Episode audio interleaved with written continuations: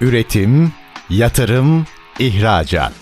Üreten Türkiye'nin radyosu Endüstri Radyo sizin bulunduğunuz her yerde. Endüstri Radyo'yu arabada, bilgisayarda ve cep telefonunuzdan her yerde dinleyebilirsiniz. Endüstri Radyo.com Göksal Serdar'ın hazırlayıp sunduğu depreme dayanıklı binalar başlıyor. ST Endüstri Radyo Depreme Dayanıklı Binalar programından herkese merhabalar. Bugün yine çok özel bir konuğumuz var. Yine deprem ve kentsel dönüşüm konusunu konuşacağız. Konuğumuz İstanbul Büyükşehir Belediyesi Deprem Risk Yönetimi ve Kentsel Dönüşüm İyileştirme Dairesi Başkanı Sayın Murat Yün Bey. Murat Bey hoş geldiniz. Merhabalar, hoş bulduk. Ee, nasılsınız Murat Bey? Teşekkür Yoğunsunuz. ederim. Siz nasılsınız? Sağ olun, çok teşekkür ediyoruz. Tabii İstanbul için risk büyük. Maalesef İstanbul'umuzda Marmara bölgesinin önemli bir kısmı gibi büyük bir deprem riski altında. Ve 99 6 Şubat depremlerinde aslında çok acı tablolar yaşadık. Dolayısıyla yapmamız gereken çok büyük ve önemli işler var. Aslında süremiz de oldukça kısıtlı. Dolayısıyla yükün önemli bir kısmı da aslında Büyükşehir Belediyesi olarak, Evet. daire olarak sizde. Öncelikle siz bir şehir planlamacısınız. Sizi kısaca bir tanıyarak başlayalım Murat Bey. Murat Yün, şehir plancısıyım. 2006 Mimar Sinan mezunuyum. Yaklaşık 10 yıl kadar Bursa'da görev yaptım. Bursa Büyükşehir Belediyesi'nde. 2021 yılında da İstanbul Büyükşehir Belediye Başkanlığı'na geldim. Daha önce de zaten 2001 yılında üniversite için İstanbul'a gelmiştim. Yaklaşık 10 yıl kadar burada kaldıktan sonra iş için Bursa'ya gittim. Sonra 2021 yılında geri döndüm. Teşekkür ederiz Murat Bey. Bu arada girişte bahsettiğim gibi aslında çok önemli bir daire olarak da çok önemli bir görev ifade ediyorsunuz İstanbul için. Özellikle bu son 6 Şubat depremlerinden sonra depreme hazırlık ve kentsel dönüşüm konusu her zamankinden çok çok daha ön plana çıkmaya başladı. Biz tabii sizin depreme dayanıklı binalar deyince sizin bu alanda binaların deprem dayanıklılığının tespitine yönelik çalışmalar yaptığınızı biliyoruz. Bu çalışmalarınızdan bize kısaca bahsedebilir misiniz efendim? Şöyle kısaca İstanbul'la ilgili bir bilgi vermek isterim. İstanbul'da yaklaşık 1 milyon 200 bin tane bina var. Bunların yaklaşık 800 bini 2000 yıl öncesi yapı.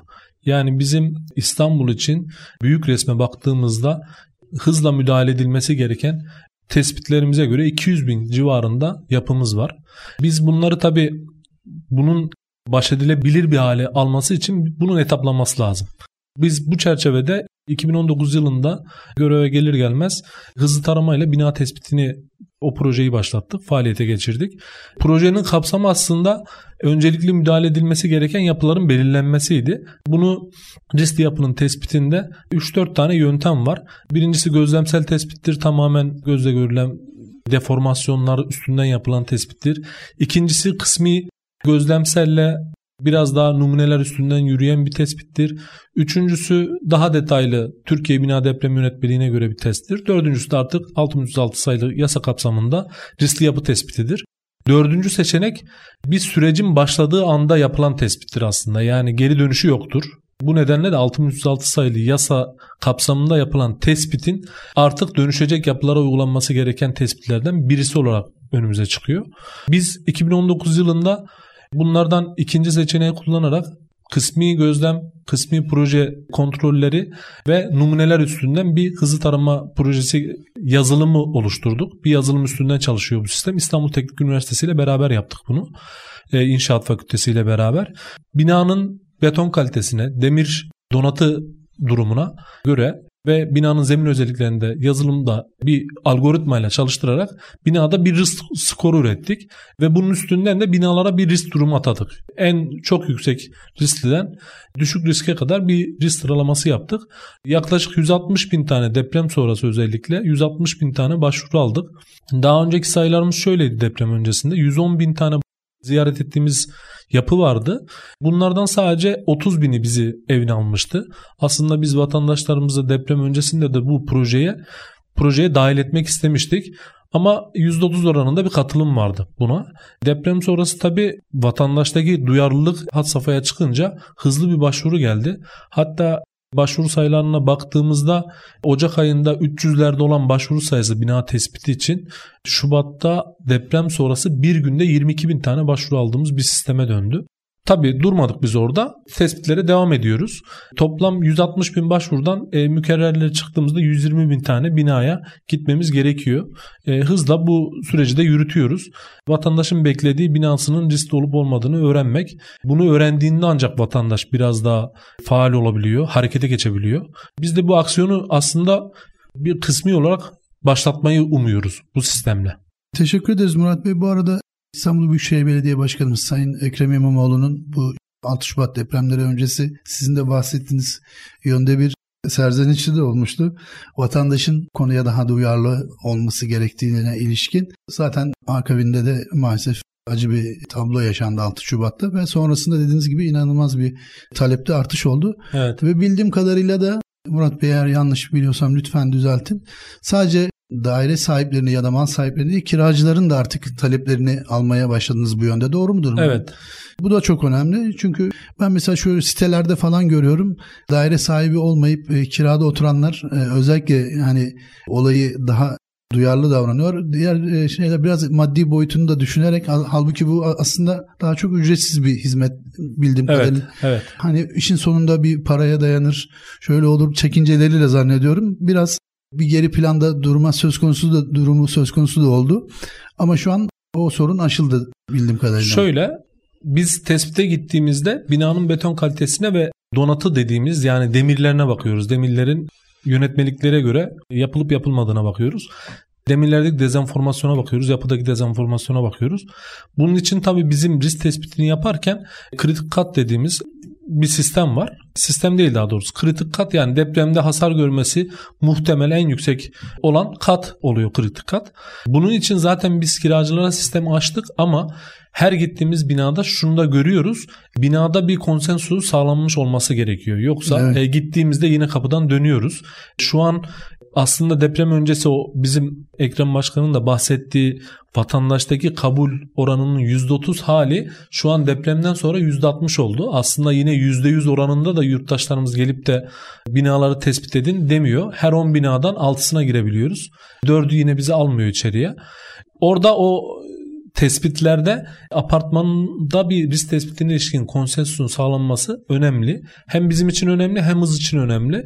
Tabii vatandaşların burada çekindiği taraf binanın riskli yapı olup tahliye sürecinin başlıyor olması. Evet. Ama bizim o, o tespitimiz yasaya dayanan bir tespit değil. Sadece vatandaşlara fikir vermesi açısından, yol haritasını belirlemeleri açısından yaptığımız bir ön tespit. Yani bir Ee, e, riskli bir durum, e, boşaltılması gereken bir durum varsa bu yasal bir zorunluluk değil aslında.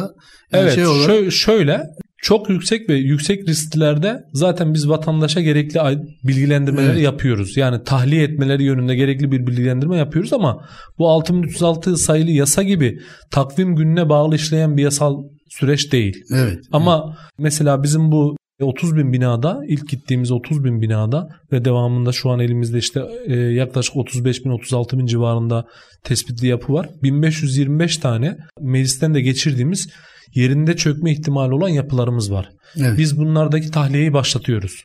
Bu çünkü artık o binalar zaten vatandaşlarımıza da söylediğimizde şöyle bir şeyle karşılaşıyoruz. Bu binanın donatısı yok, taşıyıcı sistemi yok veya taşıyıcı sistemi artık görevini yitirmiş. Burayı tahliye etmeniz gerekiyor dediğimizde zaten vatandaş kendiliğinden de boşaltıyor. Yani bunun illa yasaya bağlı olması gerekmiyor. Evet. Ee, yurttaşın orada duyarlılığı daha önemli. Aynı zamanda 2000 sonrası yapılar için de e, bu hızlı tarama bina tespitini de yapıyorsunuz bildiğim kadarıyla. Doğru mudur Murat Bey? Şöyle bizim algoritmamız ağırlıklı olarak 2000 yılı öncesi yapılar için çalışıyor. Bize bütün gelen başvuruları biz mülk sahibi 2000 yıl öncesi yapı veya 1980 öncesi yapı olarak zaten kategorize ettik. Evet. Yani evet. biz sıralamayı aslında eskiden başlayarak ilerletiyoruz. Çünkü önümüzde 120 bin tane gideceğimiz bina var.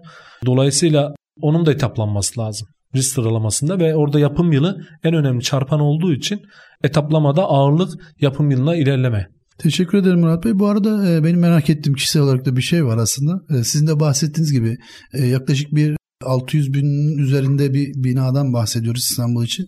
Dolayısıyla pratikte bunların hepsini kontrol etme süreci aslında uzun bir süreç midir? Hani herkesin kabulü olsa dahi e, ne kadar sürer? E, Şöyle tabii ki yapı büyük. Yani Evet. 600 800 bin civarında 2000 yıl öncesi yapı var. Bizim tespit ettiğimiz 200 bin öncelikli yapıda zemin açısından ve yapı açısından sorunlu olan yapılar bunlar. 200 bin yapıda yaklaşık 1 milyon 300 tane bağımsız birim var. Yaklaşık evet. 3 milyonda nüfus var. Yani bunların tespitinden sonraki süreç de aslında planlanması gereken ve işbirliği içinde, koordinasyon içinde götürülmesi gereken bir süreç. E, 3 milyon nüfusun nerede barınacağı, geçici olarak nerede barınacağı veya nasıl tahliye edileceği, bunların finans açısından nasıl destekleneceği kısımları aslında bizim bakanlıkla bu yasa yapım sürecinde defalarca üstünden geçtiğimiz konuların da başında geliyordu. Çünkü kentsel dönüşüm maalesef e, ne kadar inşaat sektörü bazlı yürüse de aslında gerisinde işte o sosyal doku var. E, çünkü dönüyor dolaşıyor iş işin ekonomik boyutuna geliyor ve insanlar isteği isteye orada o riskli binalarda oturmuyor. Gerisini de planlayan bir sistem olması lazım. Biz bunu bakanlığa da defalarca ilettik. Ancak biz finansını ve gerçekleşme yıkımdan sonraki süreci planlayan bir yasal mevzuat getirebilirsek Bununla daha başarılı oluruz ve daha hızlı ilerleriz diye belirtmiştik. Tabi ilerleyen zamanlarda konuşuruz zaten yasa mevzuattaki değişikliği. Evet. Ama tabi bu bir 600 bin binanın 800 bin binanın baştan sona risk taramasının yapılması evet ciddi bir iş. Çünkü bir ekip e, günde 3 bina yapabiliyor maksimum. E, çünkü içeriye girdiğimizde kritik kattaki röleveleri çıkarıyoruz. Kolonlar, kirişler nerede onları çıkarıyoruz. Beton numunesi alıyoruz. Bir tane kolonda sıyırma yapıp demirin dezorfinasyonuna bakıyoruz. Yani o da yaklaşık bir 2-3 saatlik bir zaman alıyor. Dolayısıyla günde 3 binadan hesapladığımızda evet 800 bin bina e, ciddi Cidden bir zaman. Mi? Bunu aşmanın tek yolu 39 ilçe belediyesi, büyükşehir ve bakanlık e, işbirliği içinde bunun yasal mevzuata bürünmüş bir şekilde e, yürümesi gereken bir sistemi e, mecbur kılıyor. Teşekkür ederim Murat Bey. İstanbul Büyükşehir Belediyesi olarak e, siz bahsettiniz. Deprem riskinin tespiti açısından binaların hızlı tarama testi yapıyorsunuz. İstanbullular bu hizmete nasıl erişebilirler? E, ya da sizden hem bina dayanıklılığı hem de diğer konularla ilgili hizmet almak istedi, danışmanlık hizmeti almak istediklerinde neler yapmalar, nasıl irtibat kurabilirler sizle? Şöyle binalarına ilişkin Bina tespiti İstanbul internet sitemizden başvuruları yapabilirler. Bunun dışında kentsel dönüşüm müdürlüğümüzün altında kentsel dönüşüm masamız var. Buradan kentsel dönüşüme ilişkin, bina tespitine ilişkin, riskli yapılara ilişkin, riskli alanlara ilişkin yani kentsel dönüşüm mevzuatında hangi alanlar varsa o alanlara ilişkin danışmanlık hizmeti alabilirler telefonlarla. 153 var yine çözüm merkezimiz. Oradan bize ulaşabilirler. Alanlarda e, yaklaşık 8 tane kentsel dönüşüm ofisimiz var. Kentsel dönüşüm ofislerinden bu bilgileri talep edebilirler. Bir de Geçen sene başladığımız mobil ofislerimiz var. İki tane otobüsümüz var. Onlar da ilçeleri geziyor. Muhtarlıklardan talep edebilirler. Yine mobil ofislerimizden de bu hizmeti alabilirler. Teşekkür ederim Murat Bey. Bu arada e, riskli yapısını da dönüştürmek isteyenler için İstanbul Büyükşehir Belediyesi'nin İstanbul Yenileniyor platformu diye bir platformu var. Evet. Aslında burada hem finansal destek de dahil bazı destekler de söz konusu. Biraz o noktadan da e, Evet İstanbul Yenileniyor platformu iştirak şirketlerimizle beraber gerçekleştirdiğimiz bir sistem. Deprem sonrası buraya da bir hayli başvuru oldu. Hızlıca vatandaşlarımıza dönmeye çalışıyoruz. Maliyetine yenileme seçenekleri sunuyoruz vatandaşımıza. Aradığımız tek şey aslında vatandaşın bize kentsel dönüşümü girme isteğini belgeleyip gelmeleri aslında %100 oranında en azından 3'te 2 idi önceki mevzuata göre. E, şimdi onu da düzenleriz diye düşünüyorum. Yani vatandaş tarafında uzlaşması bitmiş binalar varsa biz bunlara belediye olarak iştirak şirketlerimiz olarak Kiptaş üzerinden tekliflerimizi iletiyoruz. Bunun için de buna destek olarak bir, bir yandan dar gelirli vatandaşlarımız da bu sistemden yararlansın diye kentsel dönüşüm sıfır faiz finansman adı altında, projesi adı altında e, meclis kararı aldık. İki asgari ücretin altında geliri varsa vatandaşın yenileme kredisi çektiğinde faizini kurum olarak biz karşılıyoruz. Yine bu İstanbul Yenileniyor'un çatısı altında gerçekleşmesi gerekiyor. Bu şekilde finansman yöntemimiz de var. Teşekkür ederim Murat Bey. Tabii binalarımızın depreme dayanıklı hale getirilmesi denince kentsel dönüşüm bunun çok önemli bir ayağı. Uygun olan yapıların süratle yenilenmesi. Bir de tabii güçlendirilme var. O da, o da hızlı ve pratik bir yöntem. Ama tabii burada da bu bir mühendislik bakış açısını gerektiriyor. Burada binanın ihtiyacına en uygun çözüm bu iki çözüme ya yenileme ya da güçlendirme alternatifi.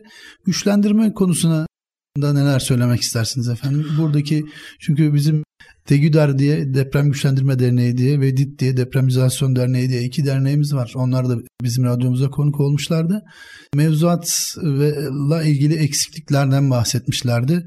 Sizin bu konudaki tespitlerinizi biz de merak ediyoruz. Belediyelerde ilgili yerel yönetimlerle ilgili zaman zaman mevzuattan kaynaklı gecikmelerden bahsetmişlerdi.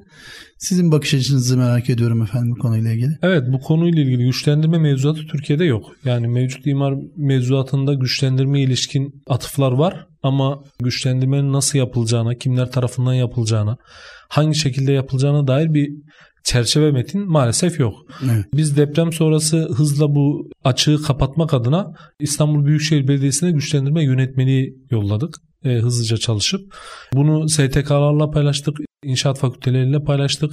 Yani işinde uzman, e, inşaat konusunda uzman, güçlendirmedeki statikte ve yapıda kim uzmansa onlarla da görüşüp bu mevzuatın üstünden geçtik ve meclise ilettik. Mecliste şu an İBB meclisinde onaylanmayı bekliyor. Güçlendirme kısmı realitede yani 800 bin yapının sonuçta tamamı yıkılmayacak.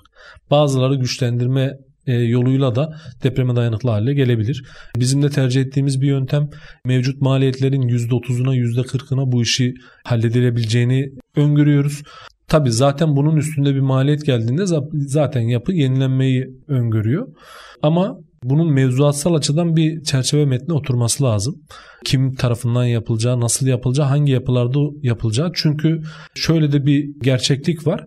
İstanbul'da projesine göre ruhsatına göre, projesine göre yapılan yapı sayısı az. Yani evet.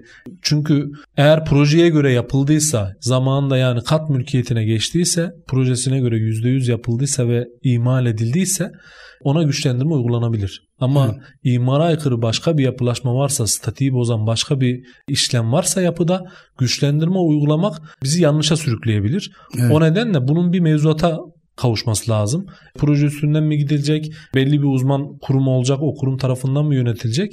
Bunu tarifleyen bir mevzuat acil lazım bize.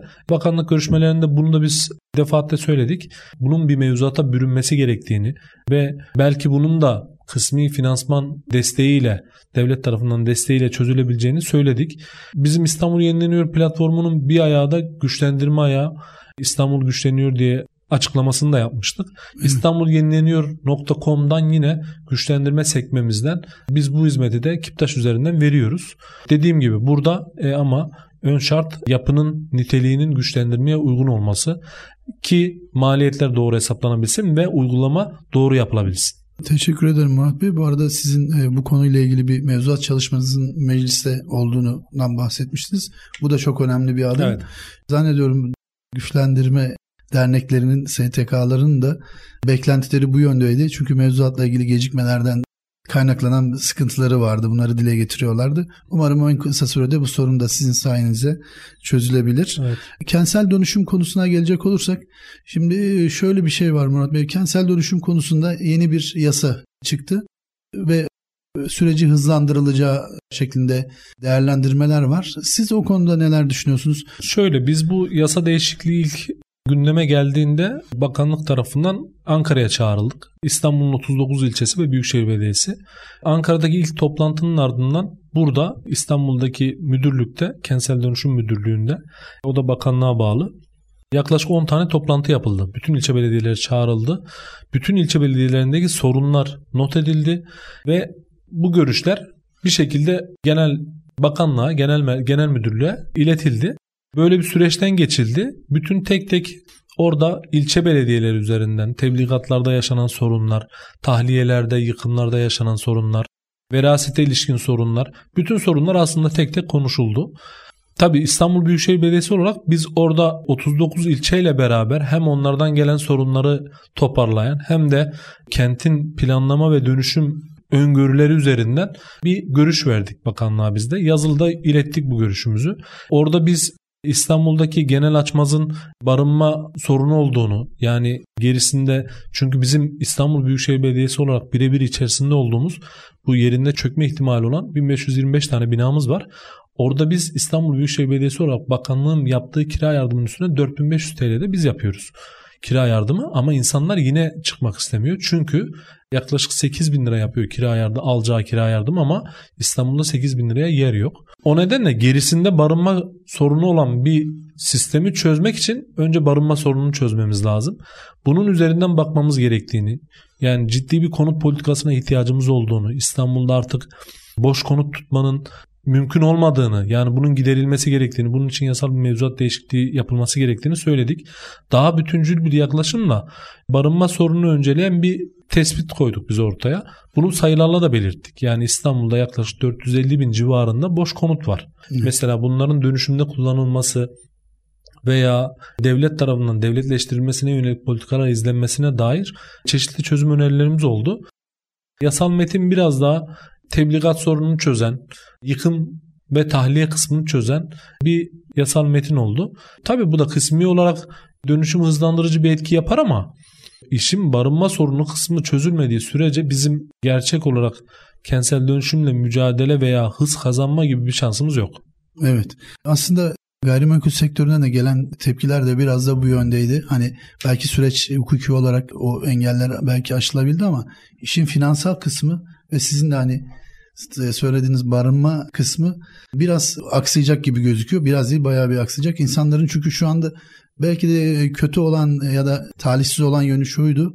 Şu anda hakikaten e, barınma sorununun konut ihtiyacının hat safhada olduğu, konut kiralarının inanılmaz yüksek olduğu evet. bir döneme denk gelmesi. Belki de bundan birkaç sene önce olsaydı daha rahat bu sorun aşılabilirdi. O zaman çünkü bu, bu derece yüksek bir konut açığı yoktu. Bu kiralar da bu, bu derece yüksek değildi. Bu şöyle de bir şeye yol açacak. Aslında biz bunu da dillendirdik. Bu zamanla iş gücünün İstanbul'dan İstanbul'a gelmemesine yol açacak. Evet. Yani şu an düşünün ki ilk defa son yıllarda yaşadığımız şey asgari ücretin üstünde inşaat metrekare birim fiyatı var. Yani asgari ücret şu an 11 bin civarında ama inşaat maliyetleri 18 bin 16 bin civarında. Yani evet. dolayısıyla eğer biz İstanbul'u hizmet sektörü odaklı bir yapıya büründüreceksek hizmet sektörüne gelecek iş gücünün de maaşını kirasına göre belirlememiz lazım. Ama ekonomik olarak o da mümkün değil. Bu gelecek yıllarda şuna yol açacak. İstanbul'un nitelikli iş gücünün buradan ayrılmasına yol açacak. Çünkü geçmiş yıllarda asgari ücretli, iki asgari ücretli İstanbul'da geçinmek mümkünken, kirayı karşılamak mümkünken bugün zaten öyle bir ihtimal yok. Aslında bahsettiğimiz o barınma sorunun bir kısmı da ekonomik olarak olan kısmı da burası. Çok teşekkür ediyorum Murat Bey.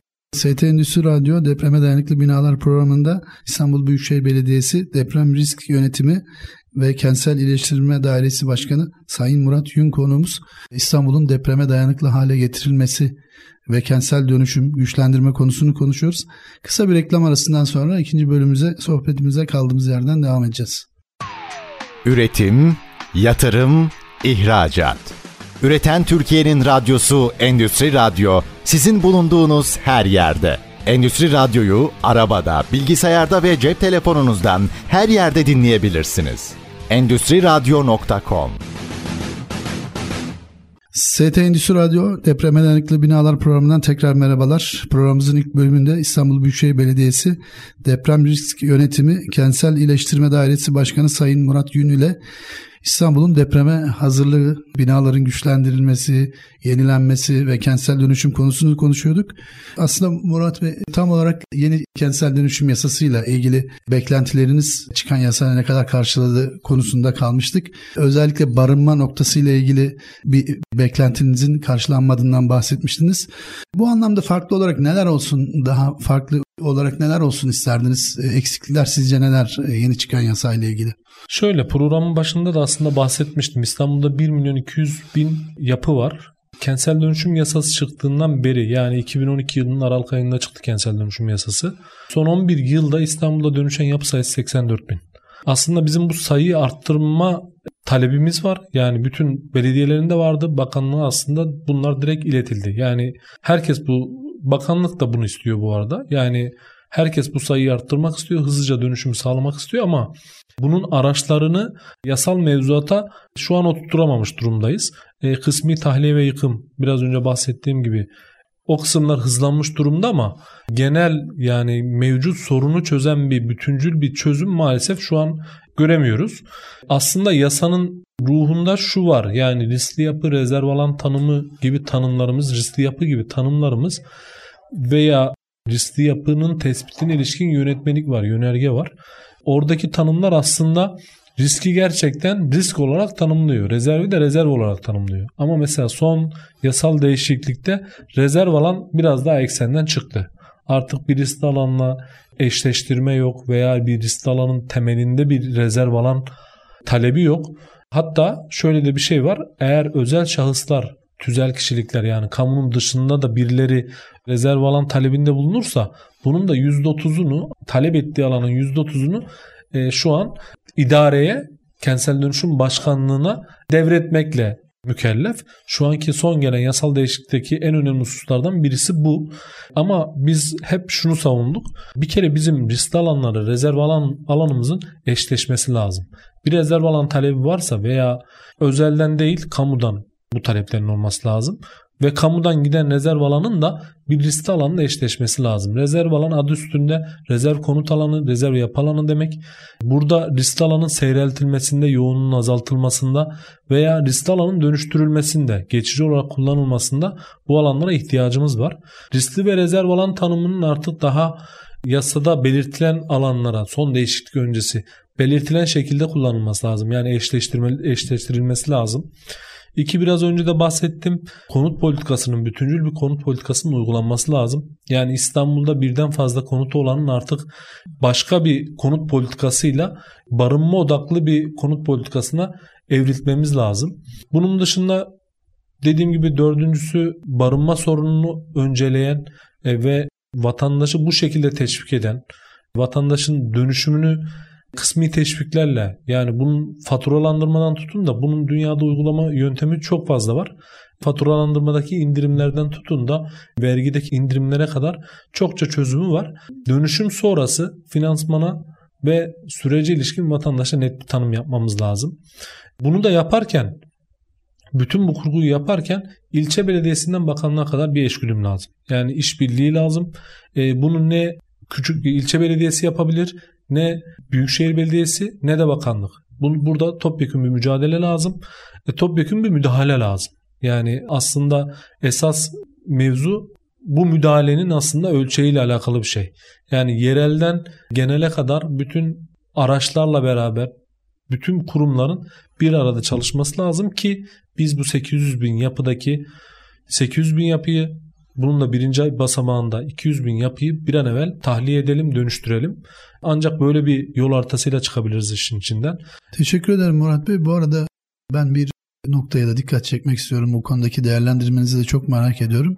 Şu anda çevremde olan tanıdığım insanlardan da kentsel dönüşüm düşünenler biraz yani tırnak içinde e, seçim işte yaklaşan yerel seçimleri falan bekliyoruz. E şöyle olabilir, daha cazip hale getirilebilir. Yani toplumu ikna etme noktasında e, ve olayın aslında bir siyasi yönünü değil de depremme hazırlık noktasındaki yönünü öne çıkarma noktasında bir daha bir eksikliğimiz var diye düşünüyorum. O konuda siz ne dersiniz efendim? Yurttaş tarafında evet bahsettiğiniz gibi bir algı var. Ama kentsel dönüşüm dediğimiz şey kurumla vatandaşın aslında beraber ortak hareket etmesi gereken bir yapı. Evet. Yani e, vatandaş durduğu yerde devletten beklememesi lazım e, yenilenmeyi. Devlet de vatandaşı zoraki, cebren tahliyesine karar vermemesi gerekiyor. Aslında ikili birbirini besleyen bir süreç. Biz şöyle düşünün. Biz arabamızı yenilerken devletten destek beklemiyoruz. Evimizi yenilerken de e, kısmi ekonomik şeyine katlanmamız lazım. Tabi burada şöyle de bir realite var. Geçmiş dönemlerde emsal artışlarıyla, yoğunluk artışlarıyla bu yenilenmenin bedelsiz hale geleceği uygulamalar oldu. Ama bütün İstanbul'da bunu yaptığınızda İstanbul yaşanmaz bir hale gelir maalesef. Ben her yerde aynı örneği veriyorum. Fikirtepe Kentsel Dönüşüm Projesi yapıların bedelsiz dönüşmesine, hak sahibi tarafından bedelsiz dönüşmesine yol açtı. E, sağladı belki onlar açısından ama şu an hem Fikirtepe'de Fikirtepe'de geçmişteki Fikirtepelilerden kaç kişi yaşıyor diye bakmak lazım.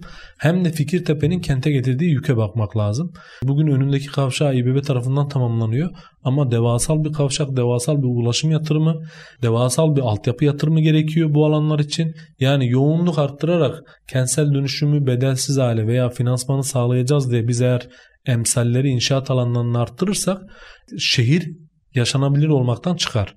Bizim öngörümüz de bu, realite de bu. Yani bunu görmek isteyen Fikirtepe'nin arka sokaklarında gezebilir. Yani yoğun bir yapılaşma var. Altyapılar aynı, yollar aynı ama her yıkılan bina yerine 30 kat olarak geliyor. Bunun tabi bütün kentliğe bir yükü var. Bunu daha adil, daha hakça çözmek lazım. Biz bunu amaç edindik. Yani adil ve hakça bir çözümden yanayız. Temelinde planlama olan, ben bir şehir plancısıyım. Temelinde bir planlama olmayan dönüşüm, şehir planı olmayan bir dönüşüm zaten başarılı bir dönüşüm olamaz. Çünkü dönüşüm sadece fiziken yapıyı yıkıp yeniden yapmak değil. E, o sosyal çevreyi de yeniden şekillendiriyor. Yapısal çevreyi de yeniden şekillendiriyor. Aslında yapıyla sosyal çevre birbirinden ayrılan şeyler değil. Şehirlerde bu ikisi beraber yaşayan, yapının insanı, insanın yapıyı beslediği, değiştirdiği süreçler yaşıyoruz. Bu nedenle de hep uygulamaların tamamında bizim gözetmemiz gereken bir sosyal yapı da var. Yani biz her dönüştürdüğümüz alandan yerinden etmeye yol açarsak e, yakında e, biz sadece lüks projelerin yapıldığı kentsel dönüşüm alanlarına kavuşmuş bir millet oluruz ama o vatandaş oradan çıktığında gidip de yine sağlam bir binaya oturmaz. Gerisinde yeni bir kentsel dönüşüm alanı, yeni bir belki gece kondu alanı başka bir yerde buluruz onları. Çünkü bu şehirde hepimiz yaşıyoruz ve bunun çözümünü de dediğim gibi adil ve akça çözümde bulmamız lazım. Oradaki finansal yükü hem devlet devlet tarafında çözmesi lazım ama milletimiz de e, millet tarafında çözmesi lazım. E, bu beraber götürülecek bir süreç. Teşekkür ediyorum Murat Bey. Bu arada sizin Büyükşehir Belediyesi olarak yaptığınız kentsel dönüşümler de var. Burada vatandaşı iknada siz nasıl bir yaklaşım gösterdiniz ki burada hepsini ikna etmek zorunda kalıyorsunuz. Çünkü özellikle çoklu yapılarda, binalı apartmanlarda bütün maliklerin ikna olması gerekiyor sürece. Dolayısıyla bayağı da bir zorlu bir süreç aslında. Burada nasıl bir yöntem uygulanmalı sizce? Şöyle aslında dönüşümde dediğim gibi bu dediğim kriterleri dikkate alarak bir proje oluşturursanız aslında uzlaşmayı hızlı sağlıyorsunuz. Şu an bizim Beykoz Çubuklu'da geçen sene başladığımız Nisan ayında da e, uzlaşmalarına başladığımız projelendirmeye geçen sene başladık. Hızlıca alanı alanda tespitlerimizi yaptık. Gece konuda alanı burası. Ve devamında da vatandaşa yaptıklarımızı anlattık. Katılımcı bir süreç işlettik. Alanda ofis açtık. E, sürekli onlarla beraber olduk. E, onlardan gelen talepleri projeye yansıttık. Projede olması gereken şeyleri onlarla paylaştık. Ve o şekilde sağlıklı bir yöntemle Nisan ayında başlattığımız uzlaşmada Haziran ayında %90'dı. Yani Hı. aslında sürecin doğru yönetimiyle proje başarıya ulaşabiliyor. İşte burada e, oradaki vatandaşlar da bizden ben birden fazla daire iste, istiyorum diyebilirdi veya e, başka istekleri olabilirdi ama biz orada aslında bütün süreçte ne yapabileceğimizi anlattık ne yapılması gerektiğini anlattık. Adım adım onlarla paylaşarak da ilerledik. Ve 2 ayda %90 uzlaşma sağladık. Şu an bakanlıkta bir uyumlar uygulamamız var. E, onu bekliyoruz. Ondan sonra da hızlıca inşaat sürecine gireceğiz. Aslında sürecin katılımcı bir şekilde çözülmesi kentsel dönüşüm projesinin de başarısına sağlıyor. Burada dediğim gibi yani idare kendi üstüne düşeni yaparsa, vatandaş da kendi üstüne düşeni yaparsa aslında süreç daha sağlıklı bir şekilde ve başarıyla noktalanıyor. Burada Murat Bey bir kritik noktada vatandaşa şunu çok iyi anlatmak gerekiyor. Böyle belki çok şey bir tabir olacak ama metrekare pazarlığından ziyade ya da artı bir daireden ziyade kazanacağı değerin aslında artık depreme dayanıklı bir yapıda oturmanın en büyük kazanımı olacağı noktasını da çok iyi vurgulamak gerekiyor. Bence bu da atlanan bir hususlardan birisi. Çünkü yani depreme dayanıklı bir binada oturmak her insanın en öncelikli talebi olması gerekir ya da öyle öyledir zaten. Bu nokta biraz olayın daha çok böyle metrekare yönüne ya da işte artı bir daire daha olacak mı, şu olacak mı yönüne girmektense bu noktayı biraz e, daha ön plana çıkarmamız gerekiyor evet. düşünüyorum. E, ikinci bölümümüzün de sonuna geldik. Kısa bir reklam arasından sonra üçüncü ve son bölümümüzde tekrar beraber olacağız. Üretim, yatırım, ihracat. Üreten Türkiye'nin radyosu Endüstri Radyo sizin bulunduğunuz her yerde. Endüstri Radyo'yu arabada, bilgisayarda ve cep telefonunuzdan her yerde dinleyebilirsiniz. Endüstri Radyo.com ST Endüstri Radyo Depreme Dayanıklı Binalar programından tekrar merhabalar. İstanbul Büyükşehir Belediyesi Deprem Risk Yönetimi Kentsel İyileştirme Dairesi Başkanı Sayın Murat Yün Bey konuğumuz. İstanbul'un depreme hazırlık ve kentsel dönüşüm konusunu konuşuyoruz. Son noktada özellikle kentsel dönüşüme çok önemsiyoruz. Çünkü kentsel dönüşüm gerçekten her zaman her deprem sonrası 99 depreminden de aynı şey 6 Şubat depremlerinden sonra hep gündeme geliyor. İşte e, yani bu işin e, çıkış yolu kentsel dönüşüm işte güçlendirme falan deniyor. Bir süre böyle bir gündemde kaldıktan sonra maalesef e, bir türlü o istediğimiz hızı yakalayamıyoruz. Bir diğer konu da yapı denetim sistemi hep eleştiriliyordu Murat Bey. Yani müteahhit firmanın kendisini denetleyecek firmayı masrafını veriyor olması, buradaki denetim sistemin sağlıklı işlememediğine dair eleştiriler var. Çokça eleştirildi bu noktada. Sizin e, hatta bir yerel yönetimlerin de bu denetimlerde daha aktif e, olması gerektiğine yönelik de görüşler oldu. Siz ne düşünüyorsunuz efendim? Yapı denetim sistemi sizce e, sağlıklı mı işliyor? Neler yapılmalı sizce?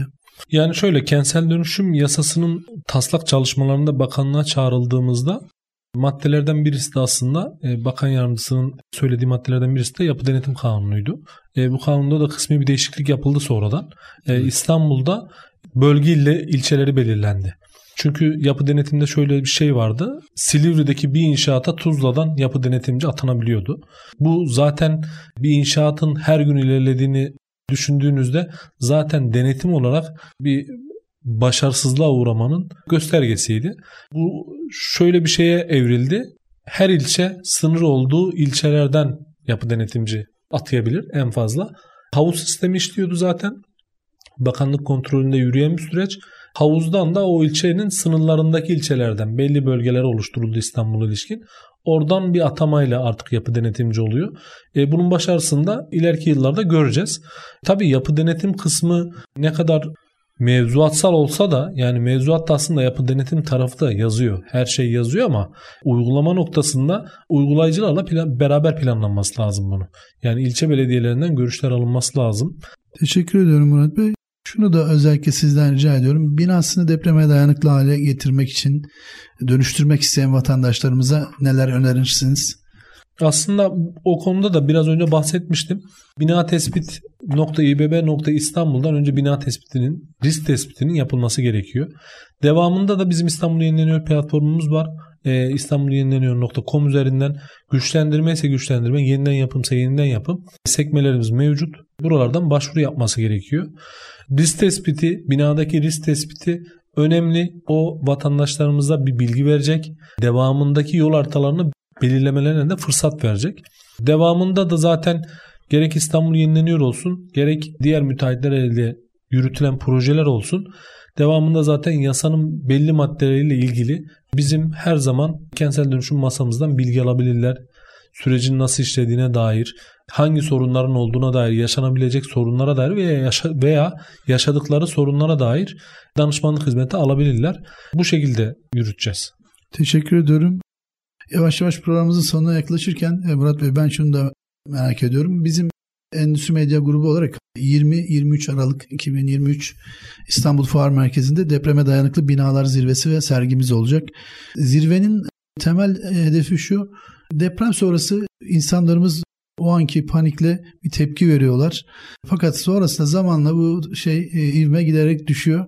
Biz bu ivmeyi biraz daha sürekli gündemde tutmak, bir ortak sinerji oluşturmak, doğru firmalarla, doğru insanlarla, akademisyenlerle, sahada olan insanlarla, mühendislerle, yapı sektörünün profesyonelleriyle, yerel yönetimlerle, işte bakanlıkların ilgili e, birimleriyle bu işin doğrusunu ortaya koyup çözüme yönelik önerileri gündemde tutacak bir e, zirve planlıyoruz biz. Burada e, sizin de katkılarınızı bekliyoruz ve sizin bu konudaki değerlendirmenizi de merak ediyoruz açıkçası. Çünkü bu zirveyle ilgili gerçekten görüştüğümüz herkes evet yani bu bu anlamda bu ölçekte bir zirveye ihtiyaç var. E, bu konunun gündemde tutulması lazım gibi değerlendirmeler aldık.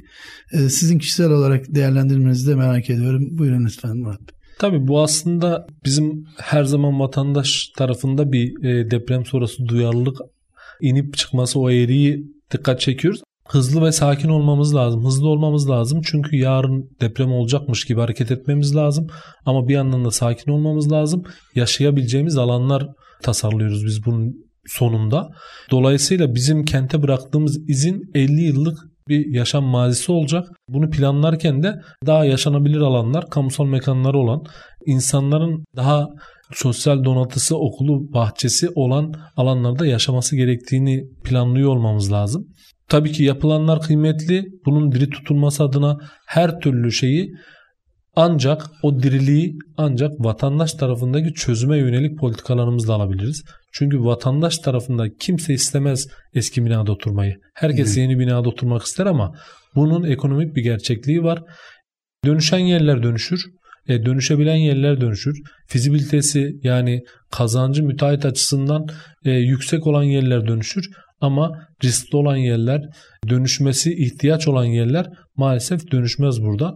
E, dediğim gibi burada diri tutan, diri tutması gereken şey önce mevzuat, devamında da kurumlar. Kurumlarda dediğim bakanlıktan ilçe belediyesine, STK'lara, firmalara kadar yani bütün bir sistemin komple sorunlarının masaya yatırıldığı ve o sorunların çözümüne dair de bir bir metin oluştuğu bir mevzuat lazım bize. Yani inşaatçı idareyi görmezse yani idareni idaredeki sorunları bilmezse, idare inşaat sektörü tarafındaki sorunları bilmezse, bunların tamamı dönüp yurttaş tarafındaki yansımayı görmezse bu sorun maalesef yıllar alır çözmemiz. Dediğim gibi 1 milyon 200 bin binada yani 800 bin üstünden konuşalım eski olan 800 binde 10 yılda 84 bin bina dönüştürdüysek bizim 100 yıla ihtiyacımız oluyor.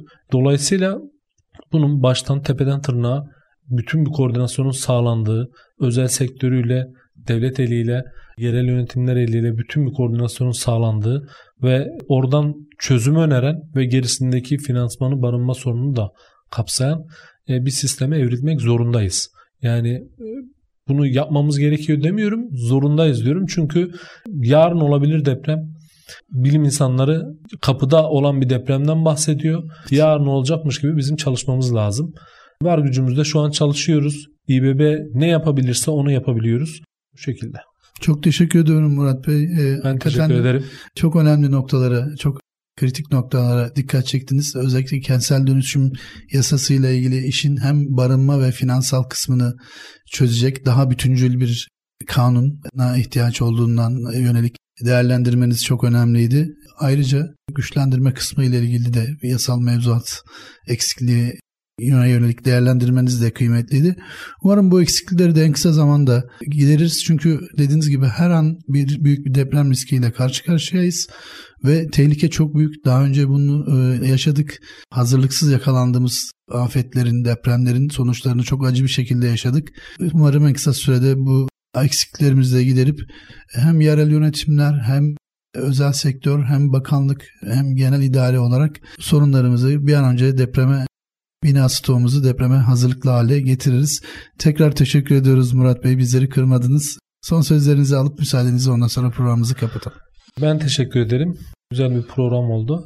Tabi burada bir taraftan da bizim temelden bir şeyleri de örmemiz lazım. Bizim afet eğitimlerimiz var Kentsel Dönüşüm Müdürlüğü tarafından yürütülen. Biz bunu özellikle kreşlerden başlattık. E, ilkokullardan başlattık. Ağırlığımız oralardaydı. Çünkü afetin afet öncesi ne kadar önemliyse afet anında o kadar önemli. Bu eğitimlerin alınması lazım. Şu an 200 bin civarında İstanbulluya bu eğitimi verdik. E, yoğunluğumuz okullarda, gençlerde. Çünkü biz bunu temelden verebilirsek İstanbul'un geleceğine dair de bir iz bırakmış oluruz. Bu bilinçle yetişmesi lazım gelecek kuşakların. Bunu milli eğitimin me bağlı okullarda da yaptık, özel okullarda da yaptık. Kim isterse oraya gidiyoruz. Bu eğitimler önemli çünkü. Bunun sonunda da işte afet bilinci olan bireyler gerekiyor. Kesinlikle. Aslında bizim şu an toplumumuzda yaşanan bu toplumda veya işte biraz önceki bahsettiğim hem toplumda hem devlette olan duyarlılığın deprem anında nüksetmesi hali aslında e, biraz e, o, evet, o eğitim eksikliğinden kaynaklı. Biz bunu müfredatlara da yerleştirebilirsek zaten. Çünkü Türkiye'ye gelen, Türkiye'de yaşayan birisi Türkiye'nin deprem kuşağında olmasını olduğunu bilmek zorunda. Ona göre hareket etmek zorunda. Şu an İstanbul'a veya e, diğer deprem kuşağı illere gittiğinde herhangi bir turist deprem anında ne yapacağını biliyor mu? Evet. Yani mesela büyük bir sorun. E, bunun ancak bu eğitimle planlanması lazım. Bunun merkezi AFAD tarafından da planlanması lazım. Yerel yönetimler tarafından da planlanması lazım. Türkiye'de afet kuşağında yaşadığımızı bilmemiz lazım ve ona göre yapılanmamız lazım. Fiziki yapımızın da ona göre olması lazım. Hastanelerimizden, okullarımızdan. O yüzden de bu afet bilinçlendirme eğitimleri önemli. Ben teşekkür ederim. Biz çok Gayet teşekkür güzel ederiz. Bir Ee, program oldu. Çok teşekkür ederiz. Ağzınıza sağlık. ST Endüstri Radyo Depreme Dayanıklı Binalar programında İstanbul Büyükşehir Belediyesi Deprem Risk Yönetimi Kentsel İyileştirme Dairesi Başkanı Sayın Murat Yün Bey konuğumuzdu. Kendilerine bir kez daha teşekkür ediyoruz ve haftaya farklı bir konukla tekrar karşınızda olacağız. Hoşçakalın.